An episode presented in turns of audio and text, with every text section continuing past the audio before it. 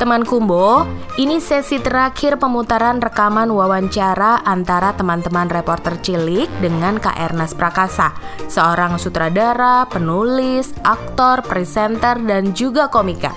Masih ada pertanyaan dari Ara yang belum aku putarkan rekamannya. Setelah Ara, siapa lagi ya yang akan bertanya ke Kak Ernest? Yuk kita dengarkan langsung aja.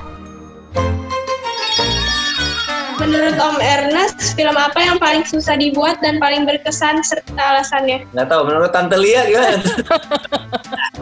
film yang paling susah itu buat aku imperfect. Filmku yang terakhir kenapa? Karena prosesnya rumit sekali. Karena Jessica Mila itu sebagai pemeran utama berat badannya harus naik turun 10 kg dan itu sangat sulit sekali. Uh, itu pun setelah dia naik 10 kg tidak cukup sampai situ kita harus pakaiin baju yang baju uh, baju yang bikin dia tambah gemuk lagi kemudian pakai wig prosesnya itu sangat rumit sekali gitu. Jadi kayak misalnya aku cerita ya, misalnya Jessica Mila harus pakai wig.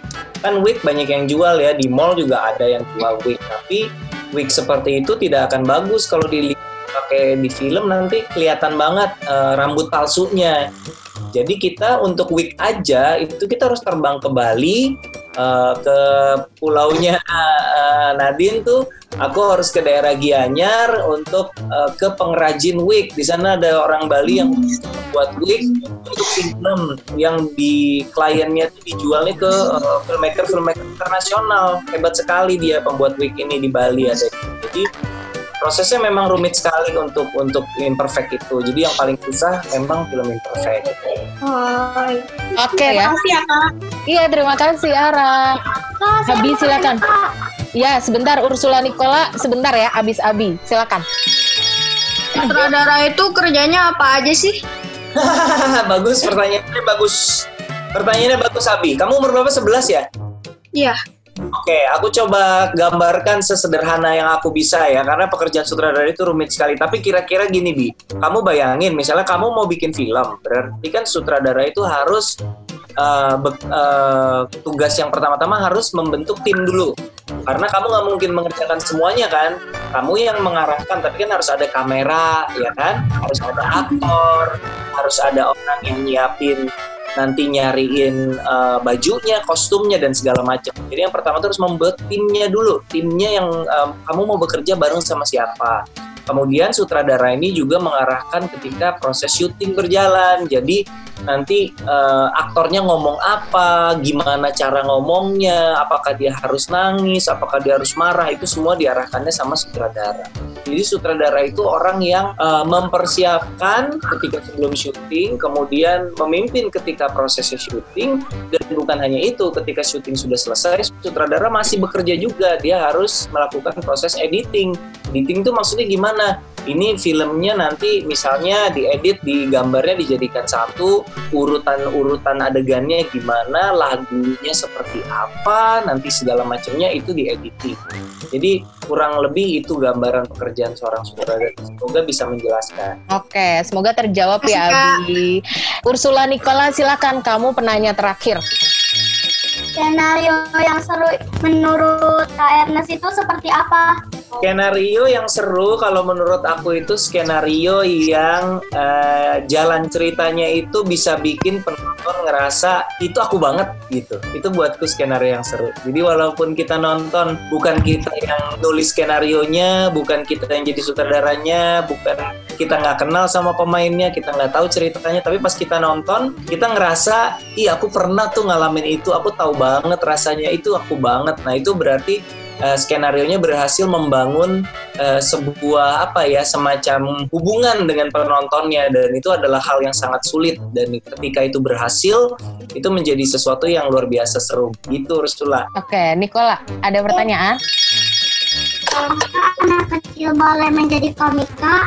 Apakah anak kecil boleh jadi komika? Anak kecil menjadi komika uh, waktu itu sih di Indosiar sempat ada ya, tapi itu dia SD sih memang uh, jadi komika.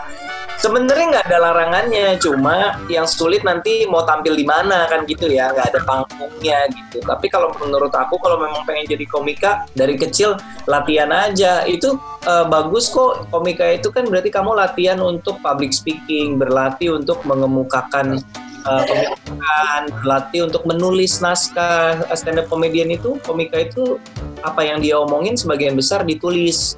Jadi nggak hanya asal ngomong aja. Jadi itu artinya melatih kemampuan menulis. Jadi kalau misalnya mau jadi komika, aku dukung. Walaupun masih kecil, aku dukung. Tapi mungkin untuk tampilnya susah nih. Kamu baru bisa tampil ketika kamu sudah besar. Mungkin gitu. Terima kasih. Sama-sama. Baik, terima kasih. Kita selesaikan dulu sesi sore ini. Kak Ernest, terima kasih banyak ya udah mau meluangkan waktunya buat ngobrol-ngobrol. Udah bermanfaat ocehan saya. iya, terima kasih. Sampai ketemu lagi ya. Salam buat Sky sama Snow, salam buat Tante Mira dan Kakak Mira. Dadah. Terima kasih teman-teman. Ya, terima kasih juga. Sampai ketemu lagi. Dadah semuanya. Ore, pertanyaan teman-teman reporter Cilik Kumbo ke Kak Ernest sudah selesai aku putarkan semua nih. Terima kasih untuk kamu yang sudah mendengarkan. Nah, kalau kamu juga mau ikutan seperti mereka, punya kesempatan buat mewawancarai narasumber-narasumber yang berbeda-beda setiap minggunya, kamu bisa ikut daftar kelas belajar jadi reporter cilik. Kelasnya gratis, tapi kesempatannya terbatas. Cek aja IG at podcast kumpul bocah atau at mamata.project untuk tahu info lengkapnya. Kalau papa dan mama ada yang kebetulan mendengarkan rekaman ini juga, terus mau ikut memberikan dukungan dalam berbagai bentuk, boleh banget. Caranya gampang, kontak aja melalui email mamataproject at gmail.com. Oke, kalian pamit dulu ya untuk hari ini. Sampai bertemu di episode podcast Kumpul Bocah berikutnya. Ada yang seru juga loh di episode yang akan datang. Tungguin ya. Bye bye.